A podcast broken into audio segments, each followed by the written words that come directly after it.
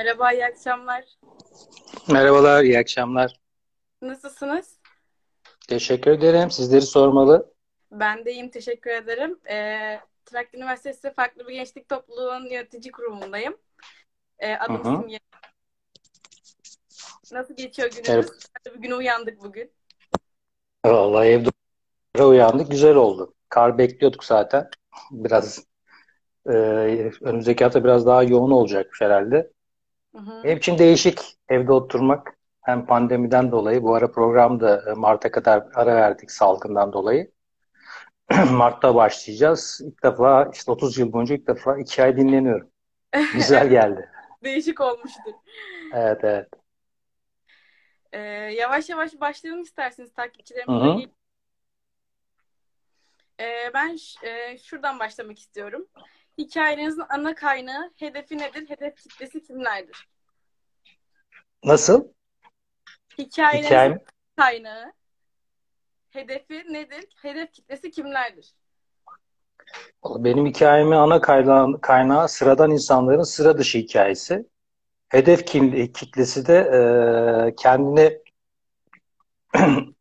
çok ünlü gören insanlar. Genellikle onların e, hikayelerinin peşine takılıp gidiyoruz. Ama yanımızdaki insanlar, çevremizdeki insanların hikayelerinin onlardan aşağı e, kalır yanı yok. Biraz ona dikkat çekmek istiyorum. Asıl e, hedef kitlem e, onlar. E, Biraz farkındalık yaratmak istiyorum. Bazı gruplar farkında, farkında oldukları için de güzel şeyler yapıyorlar. O güzel şeyleri farkında olmayanları e, hedef kitle seçerek e, onlara yöneliyorum. Aslında benim hedef kit- kitlem şu anda farkında olmayanlar, ne yaptığını bilmeyenler. Evet. Ee, size birçok sıfat yakıştırıyorlar aslında. Belgesel, çevreci gibi ama siz bunları reddediyorsunuz. Ee, şöyle bir sözünüz var. Ben çevreci değilim. Çevre haberleri yapan bir haberciyim. Ee, buna yorumunuz nedir? Neden çevreci olmayı reddediyorsunuz? Çevreciler de bazen hata yapabiliyorlar. E, onları da e, haberci olduğum için eleştirmek durumundayım. E, o yüzden e, aslında do- doğa sever bir e, haberciyim, televizyon habercisiyim. Biraz öyle bakıyorum. Ben aslında yaşamdan çok e, yaşam alanıyla ilgileniyorum. Yani e, dünyamızla ilgileniyorum. Dünyada yaşayan e, canlılardan çok onların yaşam alanı beni ilgilendiriyor. Çünkü o alan olmazsa insanlar yaşayamaz. E, o yüzden kendimi biraz farklı görüyorum. Çünkü çevreciler e, insan yaşamını da işin içine dahil ediyorlar. E, o yüzden onların kapsamı biraz daha geniş. Ben biraz daha farklı davranıyorum. Sadece doğadan bakıyorum. O yüzden de kendimi bir doğa sever olarak görüyorum. Doğa sever bir televizyon habercisi olarak görüyorum. Sesi olmayanlara sesi olmaya çalışıyorum. O yüzden farkındalık yaratmaya çalışıyorum. İnsanoğlu zaten dili var, kendi yapıyor. Yaptıklarını da e, az çok e, görüyoruz. Onlar da çok farkında değil. Biraz bunları da ekrana taşımaya çalışıyorum. O yüzden kendimi bir, biraz daha e, dışına al, dışına aldım bu işi. Çünkü e, gerçekten çevre hareketine destek veren çevreci arkadaşlarımız var. Ben onlar gibi değilim. Yani e, onlar kadar geniş yelpazem yok. Ben biraz daha doğa bazlı çalıştığım için tabii çevreye de destek veriyorum açıkçası. O yüzden onlara da haksızlık etmek istemiyorum. Onlar bazen şey düşünüyorlar. Yani çevreciyim demekten mi korkuyorsun? Yok ondan değil. Onlar gerçekten çevreci, e, gerçekten güzel işler yapıyorlar. Ben biraz daha farklı dalda, onların daha çok eğilmediği bir taraftayım. Yani onların biraz daha e, eksik kaldığını düşündüğüm tarafındayım. O Evet. yüzden kendimi doğa sever e, televizyon habercisi olarak görüyorum. Ben herkesi eleştiriyorum o yüzden. Ee, teşekkür ederiz gözler önüne serdiğiniz için. Peki günlük hayatınızda ne gibi doğa severlik yapıyorsunuz? Haber Ya günlük günlük hayatımda ne yapıyorum? Ee, bir kere sizlerle sohbetler yapıyorum. Toplantılar yapıyorum. Mümkün olduğunca yeni projeler geliştirmeye çalışıyorum. Özellikle sosyal medyayı biraz daha farklı kullanmaya çalışıyorum. Herkesin kullandığından farklı kullanmaya çalışıyorum. Her şeye maydanoz olmuyorum. Sadece doğa konusunda bazı çalışmalarım var. Ee, seste bir şey var. Size öyle geliyor, gelmiyor değil mi? yok gayet iyi Yok, tamam. Tamam. Ee, biraz o konuda farkındalık çalışması e, yapmaya çalışıyorum. İnsanlara bir şeyler anlatmaya çalışıyorum. Ee, 2050 işte önümüzdeki yıllarda insanoğlu var olacak mı, var olmayacak mı? Artık medeniyetleri geçtik. İnsan var mı, yok mu? Onu e, var olacak mı, olmayacak mı? Onu anlatmaya çalışıyorum. Onu anlatmaya çalışırken de e, kendim de e, bu, bu konuda yapılması gerekenleri e, yapmaya çalışıyorum. İşte ne bileyim evde otururken kaloriferleri yakmaktansa e, üstüme kazak giyip oturmayı tercih ediyorum. Şu anda üzerimde tişört var çünkü arkamda kalorifer var. Kapansa da sıcak geliyor. E, mümkün olduğunca ara, aracım, elektrikli aracım var. E, dört gündür duruyor araç. Mesela de her yere yürüyerek gidip gelmeye çalışıyorum.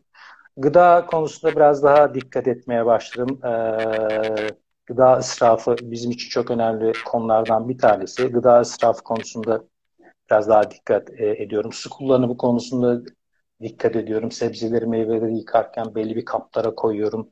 Önce duruluyorum fazla su kullanmamak için. Ee, Valla e, giyim e, eşyaların birçoğunu e, paylaşmaya başladım. Dolabımı ufalttım, küçülttüm.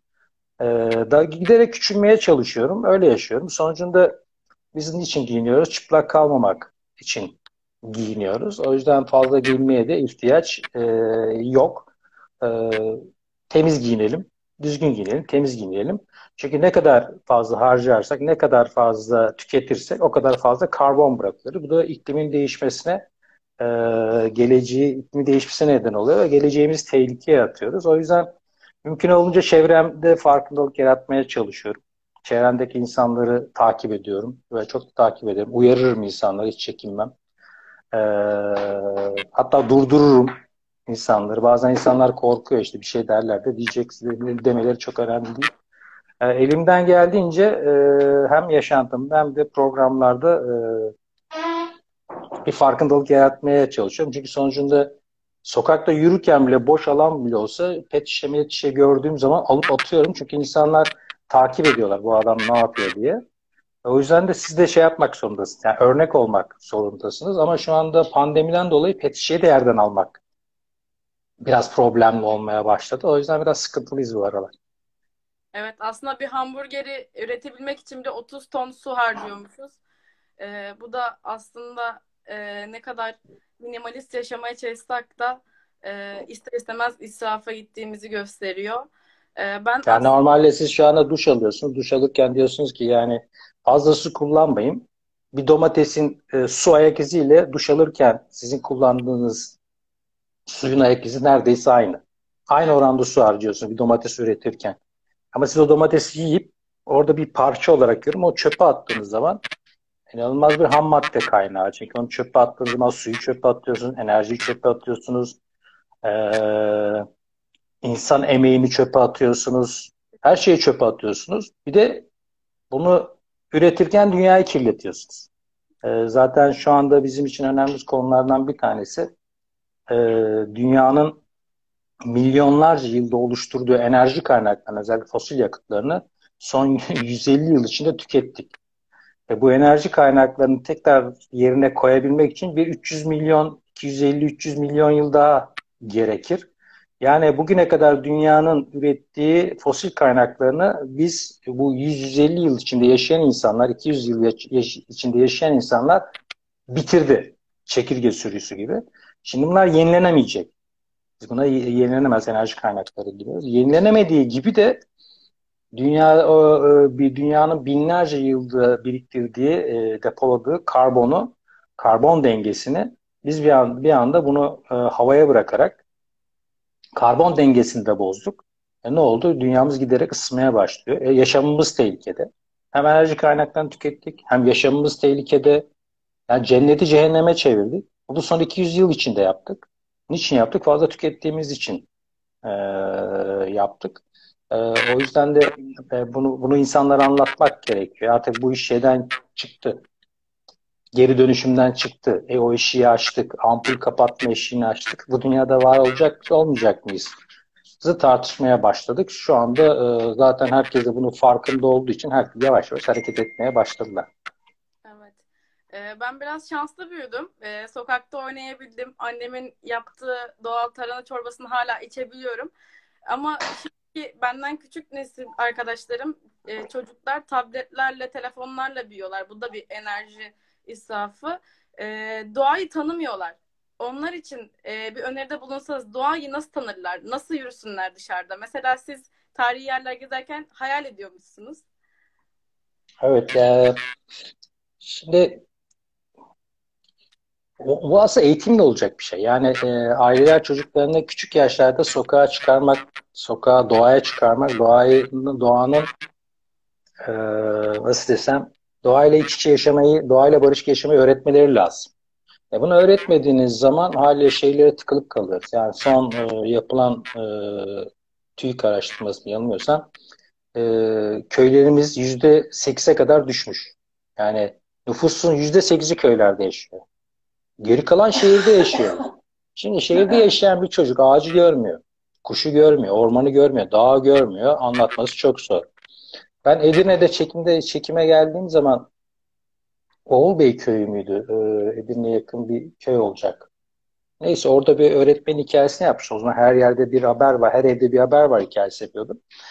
Öğretmenliğin en zor tarafı ne demiştim? O coğrafya öğretmeniydi. Valla Trakya'daki çocuğa dağı anlatmak zor. Kars'taki çocuğa da ovayı anlatmak zor. Niye dedim? E, Trakya'daki çocuk tepeyi dağ sanıyor.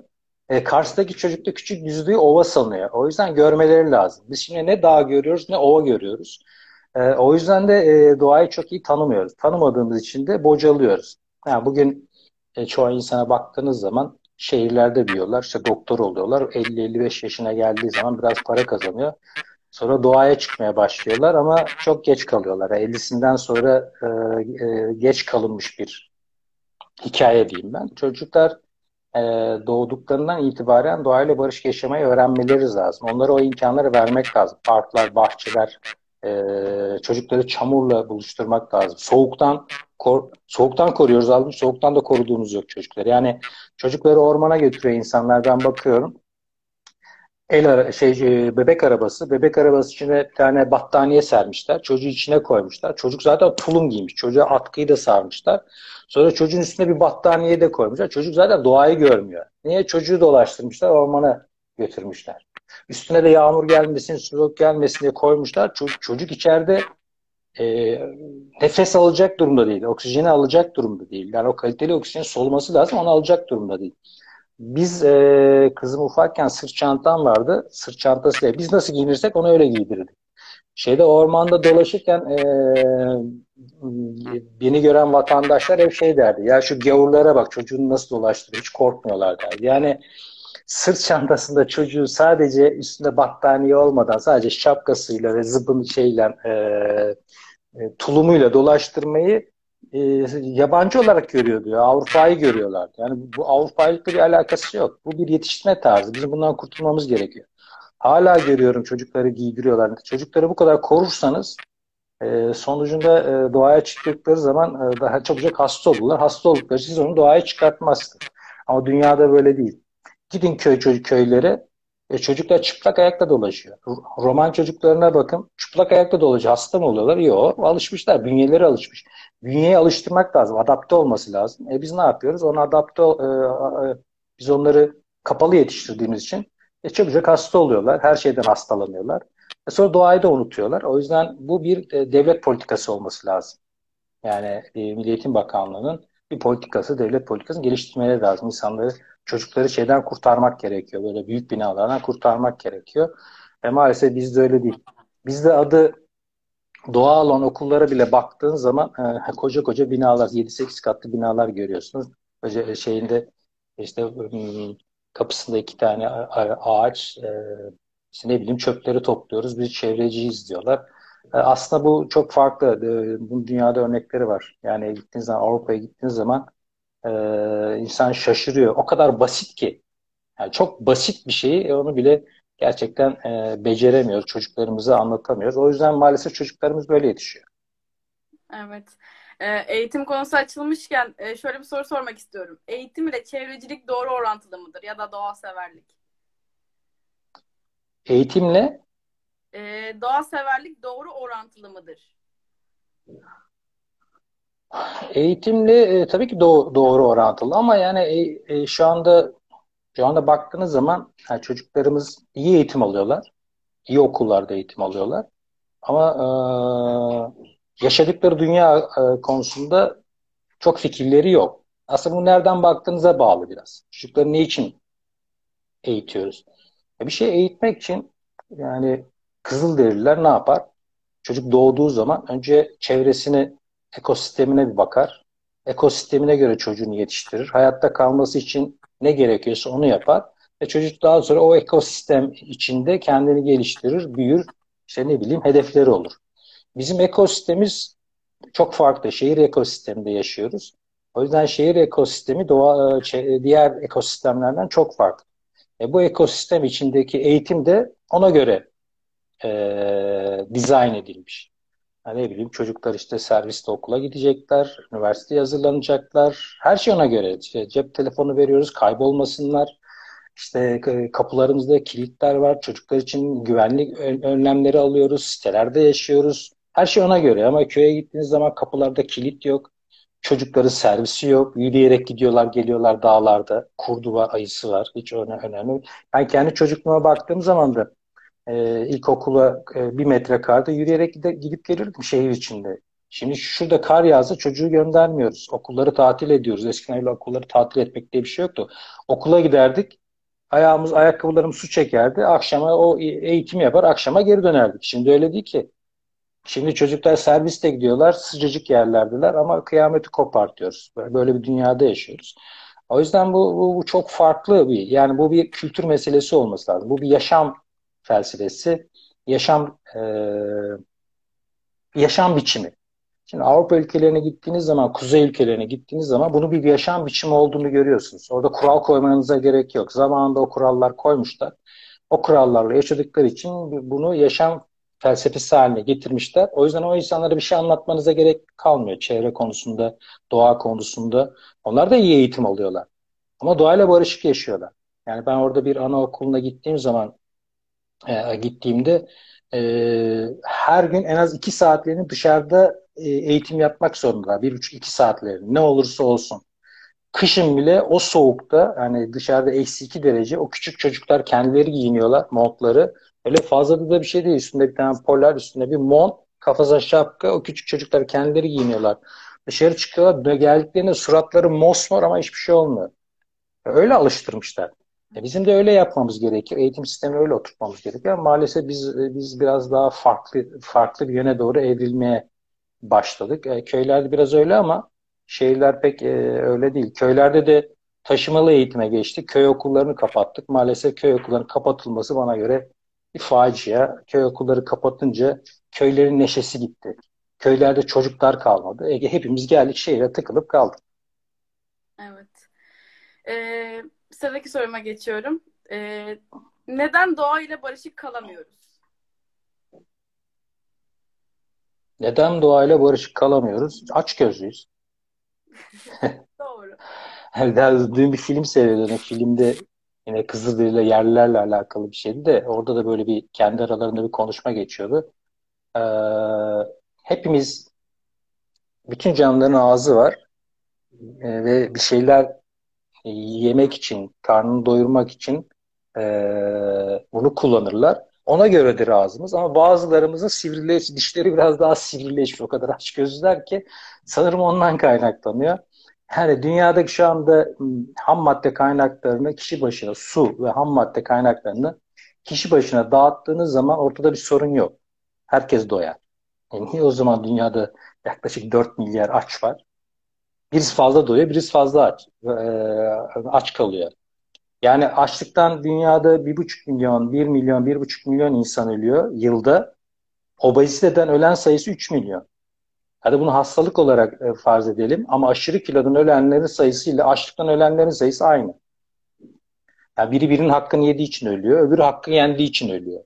3 milyon insan hayatını kaybediyor. Halbuki 3 milyon insan paylaşsalar, 3 milyar insan paylaşsalar e, pardon 3 milyon insan bunu paylaşsalar sorun kalmayacak. E ne yapmaya paylaşmasını bilmiyoruz. Yani Amerika Birleşik Devletleri, İngiltere, Hollanda, Rusya, Çin. Sizin ne işiniz var Afrika'da? E niye? Çünkü sizin tarım topraklarınız bitti. Gidip Afrika topraklarını gasp etmeye çalışıyorsunuz. Niye? Daha fazla tüketmek için. E bir Amerikalı'nın yıllık e, et tüketimi 110 kilogram. Bir Afrikalınınki 1 kilogram. Sen 110 kilogram tükettiğin için gidip o 1 kilogram tüketiyor. E, orada daha çok et vardı. Gidip onu da alıp onu da tüketmeye çalışıyorsun. Yani Afrikalı çocuk, çocuk aç bırakıyorsun. Çünkü e, sistem onu gerektiriyor. Düşünebiliyor musunuz? Afrika, e, Hollanda'nın Afrika'da havalimanı var. Orada tarım tarım yapıyor. Oradan aldıklarını tüm dünyaya satıyor. E, Afrikalı çocuk su bulup öyle susuzluktan ölüyor, açlıktan ölüyor. E, ona da yardım etmiyor.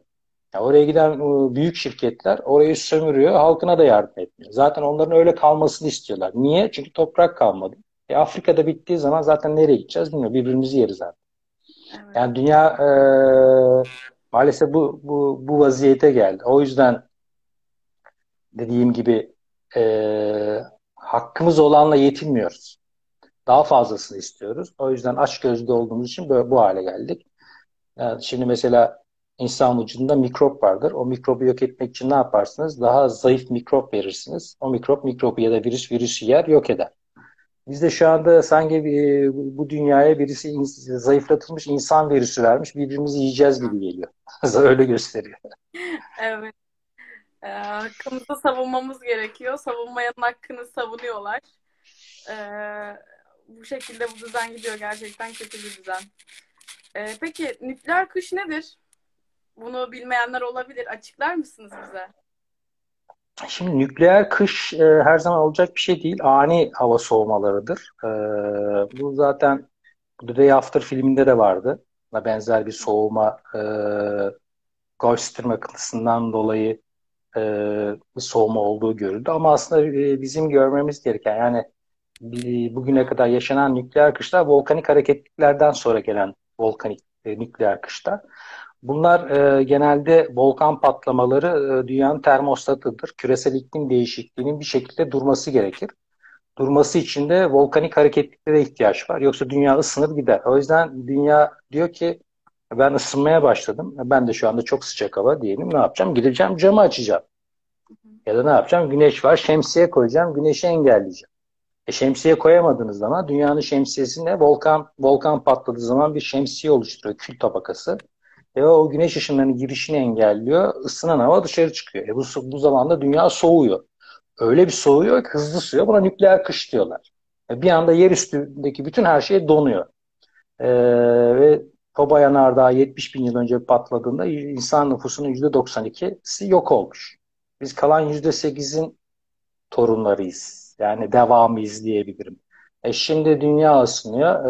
E, bu ısınma sürecinde yine dünya buna bir e, tepki gösterecektir. Çünkü böyle olmaz.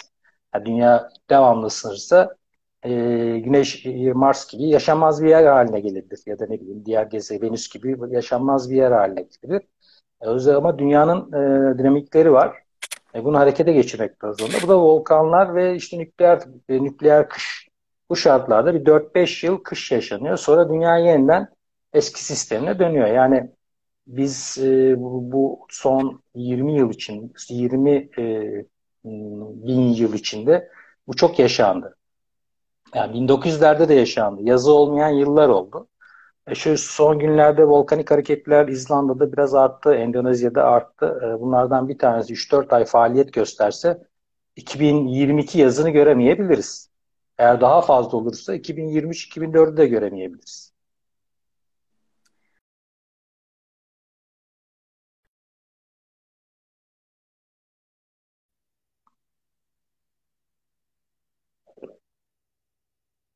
Sesim, sesiniz gelmiyor.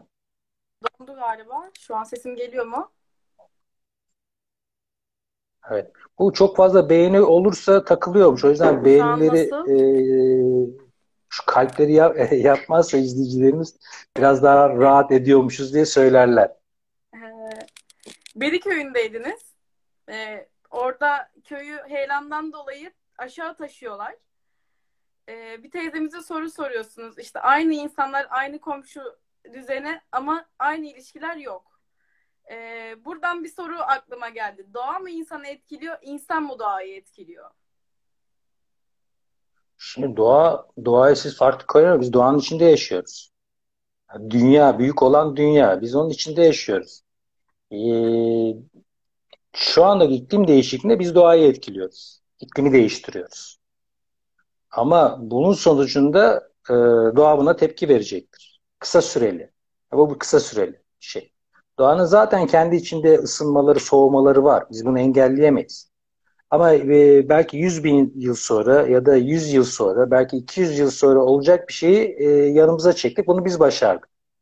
O yüzden şu süreçte doğayı etkileyen biziz. İklimi değiştiren biziz. İnsan kaynaklı fosiller yüzünden. O da çok zor bir şey değil doğayı, de, iklimin değiştirmek. Çünkü e, 400 kilometre kalınlığında bir e, atmosfer düşünün. Atmosferin sadece altındaki 10 kilometrelik alanda sera gazları var. Yani üstte bir şey yok. Sadece o bir şu kadarcık bir alanda 10 kilometre uç, uçaktan aşağı baktığınız alan. Sera gazlarının %90'ı orada, %92'si orada. Siz o alanı etkilediğiniz zaman ince şerit gibi e, bir e, siyah bir tabaka oluşturuyoruz. Karbon tabakası diyelim buna. E, bu da güneş ışınının girmesini engelleyince ve dünya değişiyor. Yani siz de arama ben ha bir metre kalınlığında siyah bir perde koymuşum. Ha bir santim kalınlığında siyah bir perde koymuşum. Ama ikisi de güneşin girişini engeller. Bir şey fark etmez.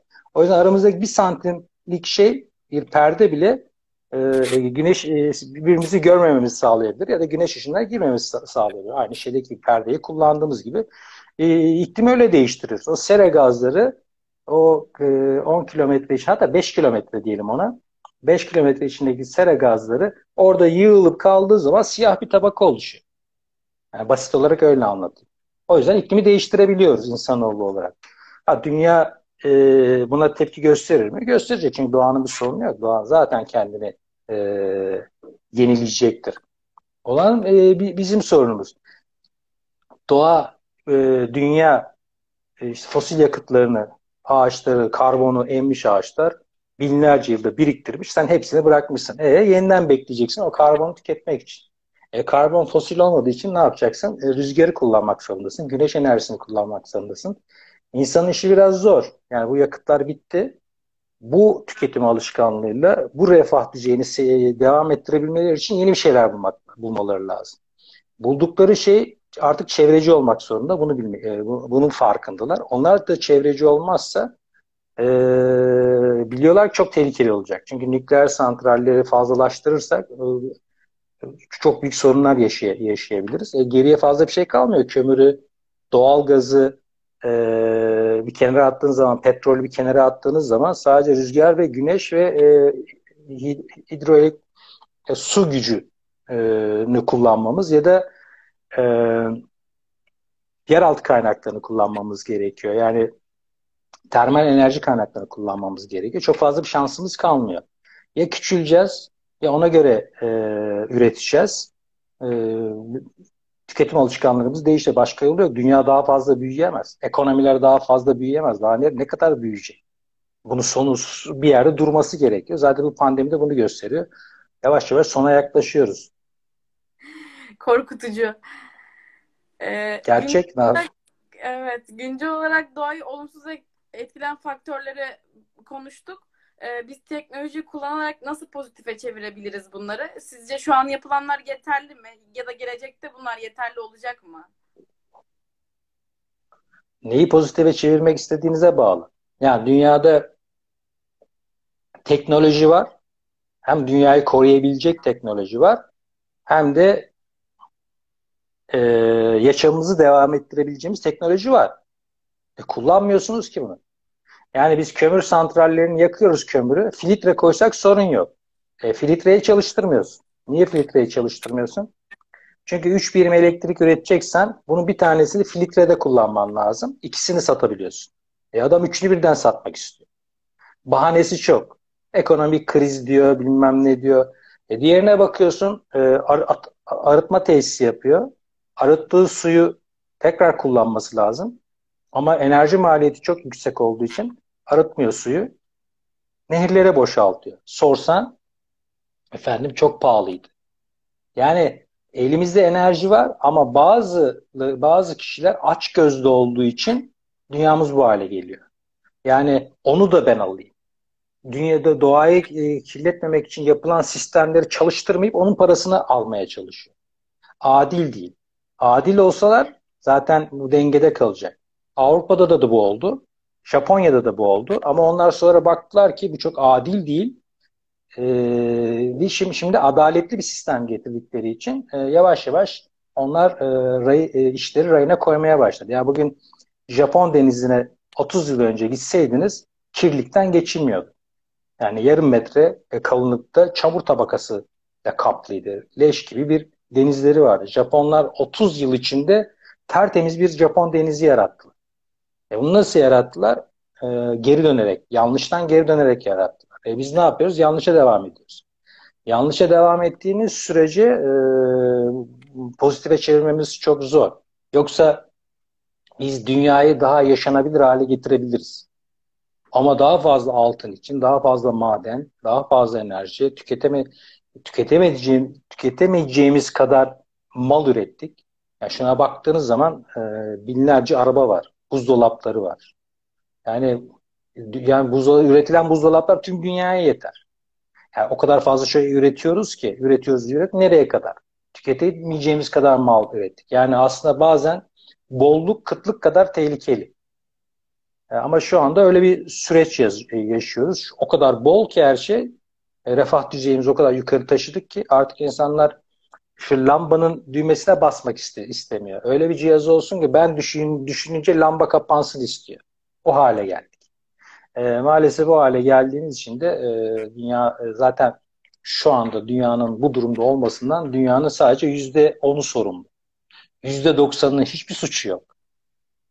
Yani dünyanın bu şekilde, iklimin bu şekilde değişmesinden belki de yüzde sekizi sorumlu ya da yüzde on diyelim, yüzde onu sorumlu. Geri kalan insan, geri kalan nüfusun bir suçu yok. Yani Afrikalı'nın ne suçu var ki dünyada bir gram bile kirletmemiş. İstanbul'un e, karbon ayak iziyle e, Hakkari'nin karbon ayak izi bir mi? Hakkari 5 ise İstanbul'un 150'dir. Yani Hakkari'nin bir suçu yok ki. Oradaki çocuğun hiçbir suçu yok. O, o zaten karbonu sıfırlamış. Sıfır karbonla yaşıyor. Doğayla barışık yaşıyor. Ha o çocuk mutsuz mu? Çok da mutsuz olduğunu sanmıyorum. Kendi e, ekosistemi içinde, kendi habitatında mutlu. Hiçbir şey yok mutlu. E bu İstanbul'a geliyorsun mutsuz insan sayısı belki oradan daha fazla. Her şeyimiz var ama mutsuzuz. Mutlu olamıyoruz. Çünkü daha fazla daha fazla istiyoruz. Bindiğin araba, sonra sokaktaki diğer arabayı istiyorsun. İşte kıyafetlere bakıyorsun, o kıyafeti istiyorsun. Bakıyorum herkes aynı giyiniyor. Moda. Yani moda e, işte, efendim işte bu bunu giymiyorum modası geçti. Modası geçti olur mu ya? Alt tarafı işte çıplak giymemek için giyin gitsin. Ama öyle değil şımarık. Herkes cep telefonunu değiştiriyor. Yurt dışında artık bu tür şeyler Avrupa ülkelerinde bu tür şeyler kalmadı. Yani var yapanlar var ama geneli daha çok e, doğayı düşünerek yaşayan pozitif insanlar. Yani düşünsene de bizler evler yapıyoruz. E, dedelerimiz evler yapıyor. Taşları böyle getiriyorlar, kesiyorlar, biçiyorlar, sırtında taşıyorlar. O muhteşem konakları yapıyorlar. E senin çimenton demirin var. Kamyonla taşıyorsun, vinçle taşıyorsun. Çimento arabaları geliyor. Yaptığın binalara bak. Leş. Yani dedenin yaptığı binayı tutmuyor. Yani dedenin medeniyetin üstüne çıkamıyorsun. E, böyle e, teknoloji böyle kullanırsanız olmaz. Biz teknolojiyi çevirip lükse çeviriyoruz. Teknoloji nedir? Oradan para kazanacağım, lüks yaşayacağım. E, lüks yaşayan yaşantının sonucu da işte lüks yaşayanlar dünyayı bu hale getirdiler. O yüzden e, dünyanın bu hale e, olmasından daha çok şehirde yaşayanlar e, biraz sorumlu. Daha çok daha çok büyük şehirlerde yaşayanlar biraz sorumlu. Evet aslında ikinci el tüketime de geçmeye çalışıyoruz. Kıyafettir, e, beyaz eşyadır falan ama e, sanırım yeterli bir düzey değil teknoloji dediğiniz gibi nasıl kullandığımıza da bağlı. Farkında değiliz. Yani bugün pandemide bile hiçbir şeyin farkında değiliz. İnsanoğlu başına gelmediği sürece akıllanmıyor. Niye? Binlerce medeniyet yıkılmış. Sırf bu yüzden yıkılmış. Hani her yıkılan medeniyet aynı nedenlerden yıkılmış. Akıllanmışlar mı akıllanmamışlar. Yine aynı şey, aynı şey olacak. Yine aynı şeyden gidecek. Düşünsenize şimdi biz burada tarım alanlarından bahsediyoruz. E, binlerce yıl önce e, bu tarım insan nüfusu bu kadar yok. 1945'e kadar 2 milyar insan nüfusu. 45'ten sonra çıkmışız biz 7,5 milyara. E daha önce bu kadar insan yok. E, tarım arazileri geniş. E o zaman niye savaştı insanlar? Yani bir hırs. Yani Cengiz Han bütün dünyayı ele geçirmeye çalıştı. Ne gereği var? Hırs. Hunlar ele geçirmeye var. Ne gereği var? Hırs. E biz Osmanlıları 600 yıl her yeri ele geçirmeye çalıştık. Hırs, Roma, hırs. Hepsi çöktü. Hiçbir medeniyet kalmadı ki. Hepsi hırsların kurbanı oldu. O kadar büyümeselerdi kendi işlerinde bir e, kültür, kendi işlerinde bir e, nasıl desem güçlü imparatorluklar kursaydı, o kadar büyük değil de dünyayı ele geçireceğim değil de küçük imparatorluklar kursalardı belki daha çok yaşarlar. Yani bugün İkinci Dünya Savaşı'na bakıyorsunuz Hitler bile o kadar güçlüyken gidip Rusya'ya saldırmasa dünyanın rengi değişebilir. Ama gitti Rusya'ya saldırdı, Amerika'ya saldırdı. Abi daha güçlü bir e, ülke kursaydı, daha fazla dışarı açılmasaydı belki dünya farklı bir yere gidebilir gidecekti. Ama yok. Daha, daha fazla, daha fazla. Şimdi bakıyorsun Amerika Birleşik Devletleri var karşımızda. Onun sonu da öyle olacak. Yani Rusya'nın sonu da öyle olacak. Yani ne kadar aç gözlü olursan o olmuyor. Evet belki 100 yıl devam ediyor, 150 yıl devam ediyorsun ama sonunda bir yerde e, bitiyor. İnsan kendi hırslarına yenik düşüyor ama akıllanıyor mu? Akıllanmıyor ama bundan sonraki süreçte e, karşımızda bir de doğa var. Hem birbirimize mücadele edeceğiz ve karşımızda çok güçlü bir doğanın tepkisi olacak. Onunla mücadele edemeyiz işte. O bizi düzeltecek. Kimimiz kalacak, kimimiz gidecek. Daha önce olduğu gibi. Ya bu kıtlık da olacak, ya susuzluk da olacak, ya bir volkan patlamasıyla olacak. Ya bir şekilde olacak. Ya da salgın hastalıkları olacak. Sen gidersen yaban ormanlarından gider her şeyi bulur yemeye kalkarsan öyle olur. Sonra bir gün bakarsın şey pandemi değil işte şey korona değil. Korona 19'du 20 olur 21 olur 22 olur. Bir gün bir yerde patlayacaksın. Elindeki şu an teknolojiyle bunu engellemeye çalışıyorsun ama şu anda dünya ülkeleri bile şunu tartışıyor. Acaba bunu engellemeli miyim, engellememeliyim? Çünkü eğer diyor böyle giderse diyor herkes kendini tehlikede hissediyor. Şimdi bir bakar mısın Avrupa ülkelerine küresel iklim değişikliğinde Suriye, Orta Doğu'da bir kuraklık olacak. Bir göçler başlarsa Türkiye geri çekildiği zaman durduramazlar.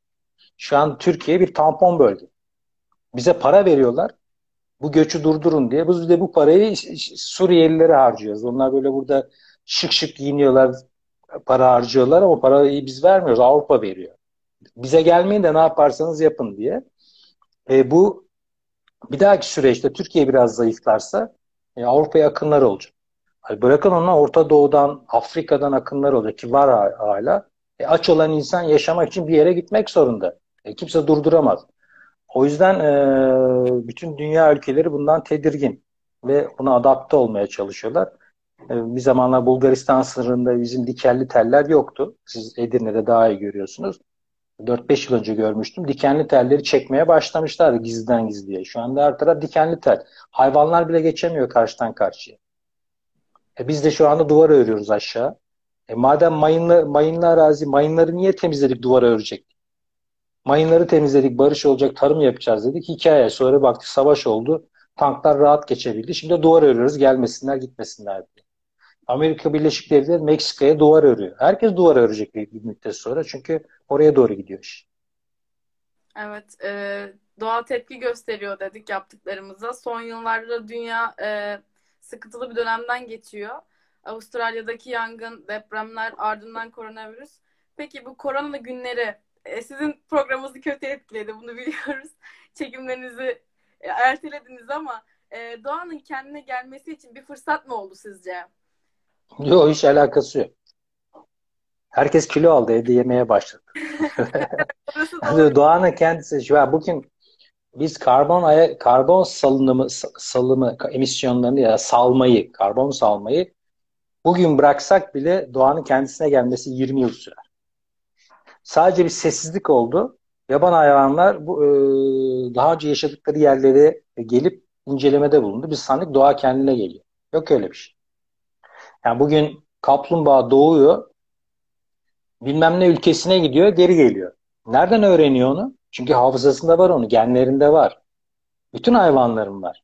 Leylek ki buradan çıkıyor, hiç e, radar kullanmıyor, bir şey yön kullanmıyor, pusulası yok.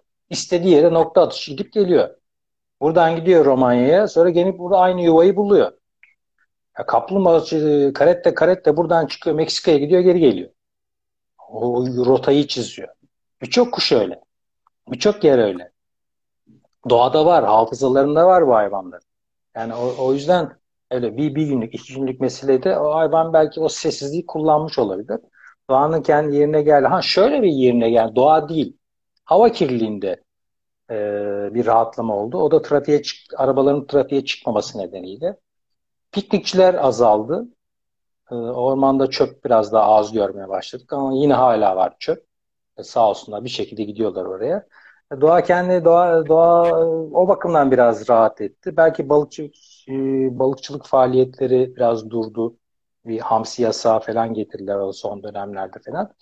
O bakımdan biraz hava kirliliği konusunda doğa değil. Hava kirliliği konusunda bazı sorunlar, insanlar için yararlı bazı şeyler oldu. Doğayla alakalı bir şey yok. Yani fabrikalar çalışmaya devam etti. Üretim devam etti. Sadece e, okullara gitmedik.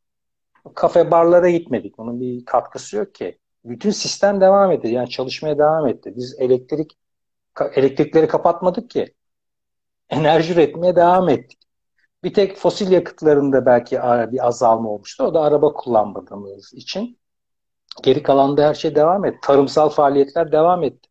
Suyun biz %70'ini tarımda kullanıyoruz. Tarımsal faaliyetler durmadı ki. Sanayi de durmadı. Enerjinin büyük bir kısmını biz sanayide kullanıyoruz. Onlar da durmadı. Sadece işte biraz e, eve kapandık. Biraz sessizlik oldu o kadar. Kandırmayalım kendimizi. Evet doğru.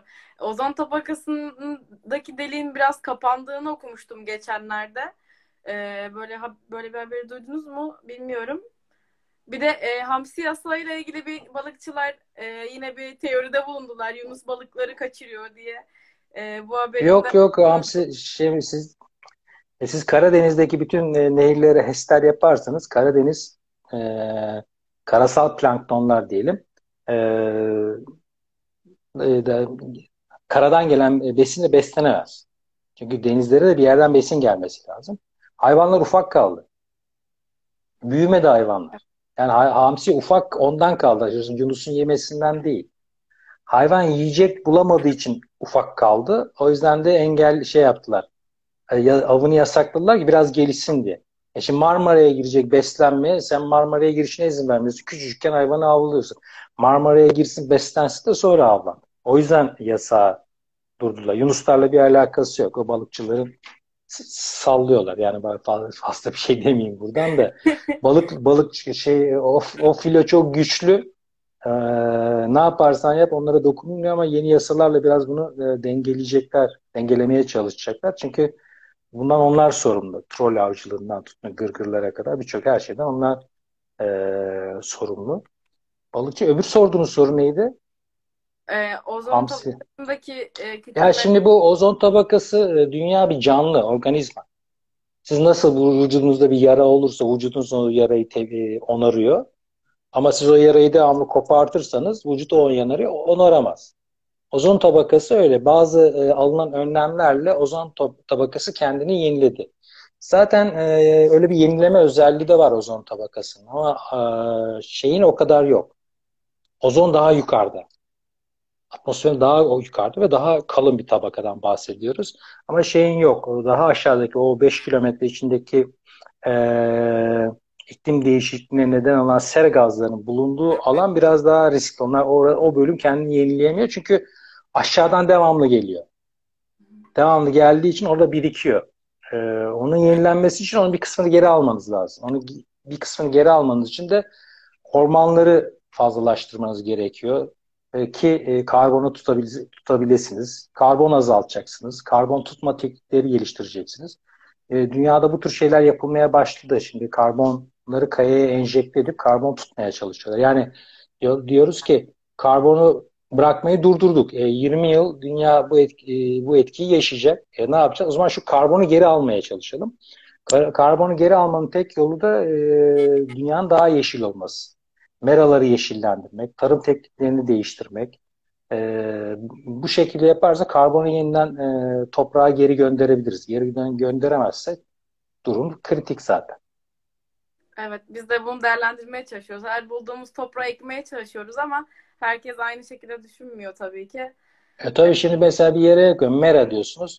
Yemyeşil otlar var. E bunlar diyorsunuz ki şey otlar. E, yabancı otlar ben bunları yiyemem. Yiyemezsin o karbon çekiyor, karbon depoluyor, suyu depoluyor. Onunla e, toprak besleniyor. E, mikroorganizmalar besleniyor. Siz ne yapıyorsunuz? Pulluğu bir sokuyorsunuz oraya. Bütün o organizmaları dışarı çıkartıyorsunuz. Tamam, onları kullanıyorsunuz. E, toprağın yarım metre altını yok ediyorsunuz. Ve sonra toprak verimsiz oluyor. Ne yapıyorsunuz? Sonra gübre basıyorsunuz. E, gübreye basıyorsunuz. E, gübrede erimesi için su lazım. Sonra suyu basıyorsunuz. Bir müddet sonra besin alıyorsunuz e, ama o besin gidiyor tekrar aynı şey yapıyor. Tekrar pullukla tekrar git tekrar bir müddet sonra toprak iyice verimsizleşiyor. Bu sefer daha çok karbon atıyorsunuz. Şey e, gübre atıyorsunuz.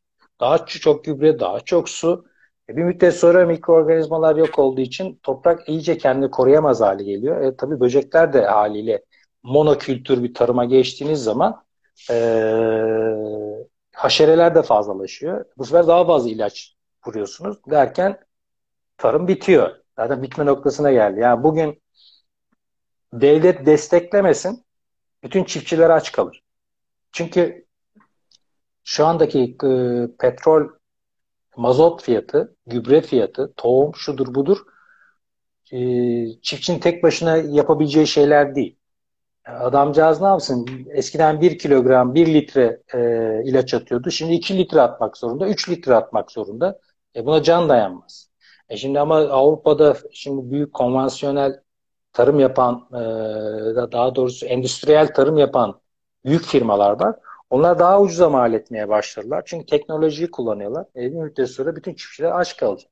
Yani şey kalacak. Zaten bir önce söyledim yüzde sekiz artık tarım kırsalda yüzde sekiz nüfusumuz kaldı. Hep dışarıdan ithal etmek zorunda kalıyoruz. Daha ucuza mal ediyoruz. Çünkü çiftçimiz de buna alıştı iyi tarım yapması gerekiyor. Toprağı koruyan tarıma dönmesi gerekiyor. Evet, belki domatesi biraz pahalı yeriz. Zaten pahalı yiyoruz.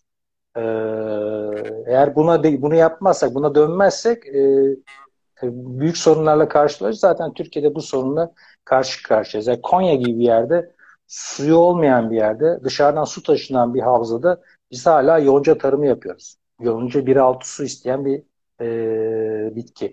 E, Trakya'da e, hala biyodizel için kanola ekiliyor. E, yiyemezsiniz ki kanolayı. Hala bir enerji için bir şeyler kullanıyoruz. O yüzden toprağı korumak koruma zamanı geldi. Korumazsak Birleşmiş Milletler e, 2060 60 yıl içinde tüm dünyadaki verimli tarım arazinin yok olacağını söylüyor. Çünkü siz o toprağı pullukla e, açıyorsunuz. Ama onun belki 1 santim, 2 santimlik tabakası rüzgarla gidiyor. E her sene bunu yaptığın zaman bir müddet sonra toprak taşına taşına kalmayacak. O yüzden e, o bakımdan dikkat e, o bakımdan dikkat etmek gerekiyor. Bugün mesela Sahra çölünde e, bilim adamları incelerken e, gidip okyanus okyanustan toprak örnekleri alıp inceliyorlar ve Sahra'nın toprağın Sahra çölünün büyük toprağın büyük bölümünün okyanuslara gittiğini hesaplamışlar. Yani Sahra için çalışma için yapmak için gidip okyanus dibinde araştırma yapıyorlar ki oradan aldıkları toprak örnekleriyle bunu karşılaştırıyorlar. Çünkü binlerce yıl önce oradan gidip oraya. Çünkü üsttekiler yeni. Ama bir üst tabakanı da neler olmuş onu öğrenmek istedikleri için karbon analizleri yapmak için okyanuslara gidiyorlar. Aynı şekilde bizde de toprak hep denize taşınıyor. Biz niye e, Karadeniz'de fazla HES yapmayın, işte fazla açmayın diyoruz. O çamur her gün gördüğünüz o çamur gelecek geleceği e, geleceğe bırakmamız gereken toprak parçası diyebilir. Hepsi denize akıyor. Hani bir müddet sonra hiç toprak kalmayacak. Evet şöyle bu, diyorsunuz bu, bu ben gördüm. Ee, çocuğum görsün, çocuğumun çocuğu torunum görsün. Sizce bu mümkün mü? Ya şu anda eğer e, bu mümkün, Türkiye için mümkün. Çünkü biz henüz Avrupa gibi değiliz. biz şu an Avrupa'yı model al- e, alarak e, sanayileşmeye çalışıyoruz. Ama gördük ki bunun sonuçları ağır oluyor. Biz şu anda beceremiyoruz. Yani Avrupa'nın yaptığı 30 yıl önce yaptığı hatayı aynı hataları yaparak ilerliyoruz. Ee, bu yüzden bir bu yüzden sorun yaşıyoruz. Halbuki bizim doğal ormanlarımız var, toprağımız var, bir miktar suyumuz var. Çok su, su zengin değiliz ama bir miktar suyumuz var. Nüfusu dengede tutmamız, tüketim alışkanlıkları değiştirmemiz, yeşil alanlarımızı korumamız, yeraltı su kaynaklarını korumamız jeotermal enerjiyi, rüzgar enerjisini, e, yenilenebilir enerji kaynakları kullanarak biz bu işten kurtulabiliriz. Yani bizim şansımız var. Biz ama bunu değerlendirmiyoruz. Biz hala var olanı tüketmeye çalışıyoruz. Yani düşünsenize şu anda e, Marmara'da bazı elektrik santralleri termik elektrik santralleri var. Santralleri Çin'den ithal etmişiz. Çalışanları Çinli, güvenlik görevlileri hariç onlar Türk. E, kömür Güney Amerika'dan geliyor ya da o, o tür ülkelerden geliyor. E, her şey dışarıdan geliyor. E, ne yapmış? Termik santralin posası bize kalıyor. E, madem onları getireceğimize dışarıdan elektrik alalım. Posası da onlarda kalsın. Elektriğe para veriyoruz. Zaten veriyoruz parayı. Niye posası bizde kalıyor? Nükleer santral yapıyoruz. Rusya'da Rusya'da daha önce kullanıcı ne olduğu belli olmayan nükleer santral getiriyoruz. Gidip Almanya'dan sıfır bilmem ne markayı getirmiyoruz buraya. Çünkü o çok pahalı. Ucuzunu getiriyoruz. E bu böyle böyle ülkede kirleniyor.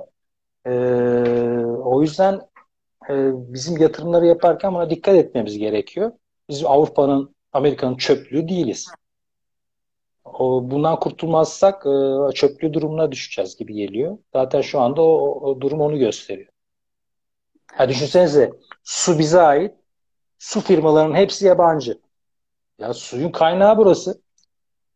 Yani suyu buradan çıkartıyorsunuz, pet şişeye koyuyorsunuz, içiyoruz. Tamam da bütün firmalar yabancı. Yani suyu mu çıkartamıyoruz? Afrika'ya gitseniz anlarım. Türkiye'de suyu mu çıkartamıyoruz? Bütün firmalar yabancı. Suyu bile şey, bir bakıyorsun yerli bir firma çıkıyor. iki gün sonra yerli firma yabancı firma almış. Yerli firma 5 liradan su satıyor şeyi 10 litresini. El değiştirdiği zaman o, o şey litresi 10 lira oluyor. Şey 10 litresi 10 lira oluyor. Mesela su çok pahalı hale geldi. Süt de su neredeyse aynı paraya geliyor. Yani bu bunları düşünmemiz gerekiyor. Ee, buna göre politikalar üretmemiz gerekiyor. Tarım desenimizi değiştirmemiz gerekiyor. Yapılacak çok iş var.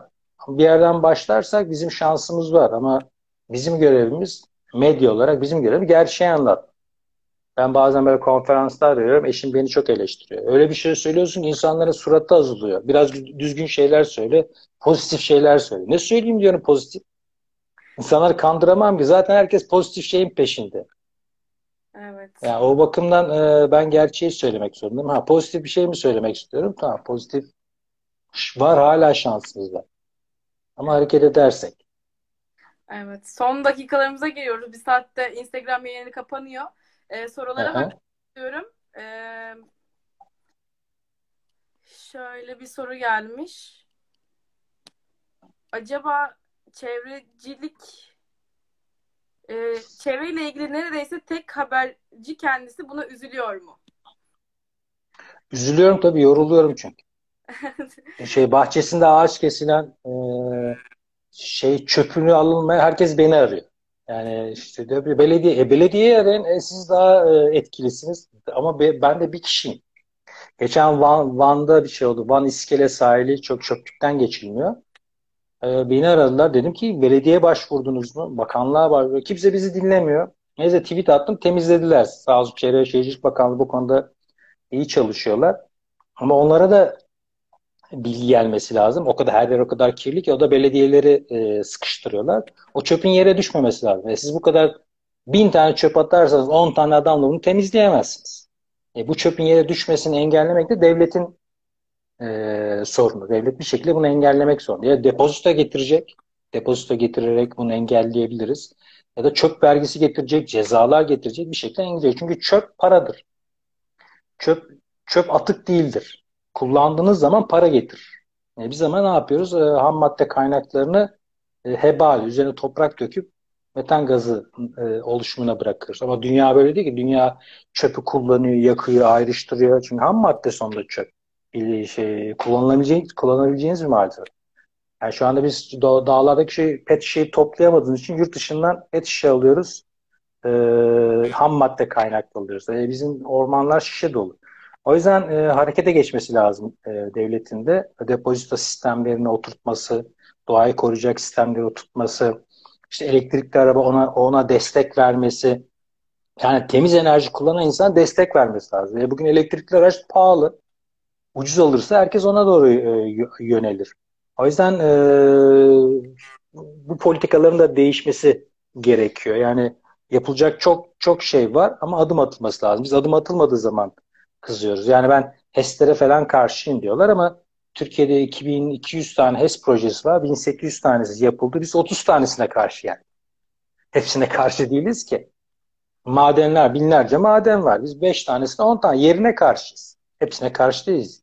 Yerine karşıyız, teknolojisine karşıyız. E, iyi teknolojiler kur kuranlara hiç sesimiz çıkmıyor ki. Rüzgar enerjisini bile doğru dürüst yere kurmazlarsa karşıyım ben. E siz çevrecisiniz, doğa severiniz, rüzgar enerjisine karşısınız.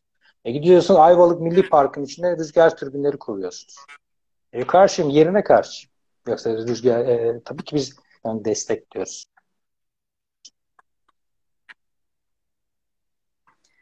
Evet. E, yayınımızın sonuna doğru geliyoruz. Sesim kesiliyor mu şu an? Arada bir kesilip geliyor. Evet, şu anda iyi. Tamam. E, yayınımızın sonuna geldik. Çok ederiz. Bilmediğimiz bir sürü bilgi kattınız bize. E, çok güzel bir farkındalık oldu bizim için de. E, tekrardan teşekkür ederim. Ben teşekkür ederim. Şey Yaşa yaşadığınız dünyayı öğrenin. Yani bir evde yaşıyorsunuz. Evde mutfak nerede, oksijen nereden, klima nerede, bir her şey her şeyi bilirsiniz. Yazın sıcak olur, ev, klima takarsınız. Kışın soğuk olur.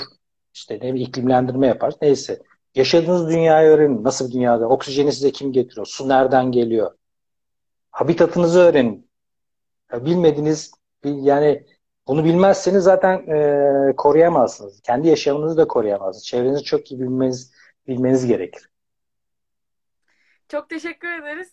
Ben ee, teşekkür umarım, ederim. E, katılan herkese bir nebze bir faydamız dokunmuştur. Sizin bize çok dokundu. İnşallah başka bir yayında da tekrardan görüşürüz.